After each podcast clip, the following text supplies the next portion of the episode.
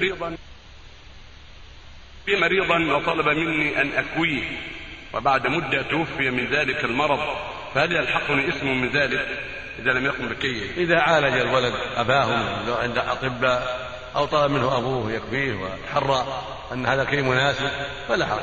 لا حرج في ذلك وليس عليه لو مات. لأن الكي من أسباب الشفاء. يقول النبي صلى الله عليه وسلم الشفاء في ثلاث كية نار أو شرطة محجم أو شرطة عسل. حديث. المقصود أنه إذا مات بعد ذلك لا يقال بسبب الكي. هذا أجله تم. وليس عليك بأس في علاجه أو في كيه. لما طلب منك ذلك أو إحضار الطبيب له أو ما أشبه ذلك نسأل الله يوفق الجميع ولعل هذا يكفي وفق الله الجميع. وصلى الله وسلم.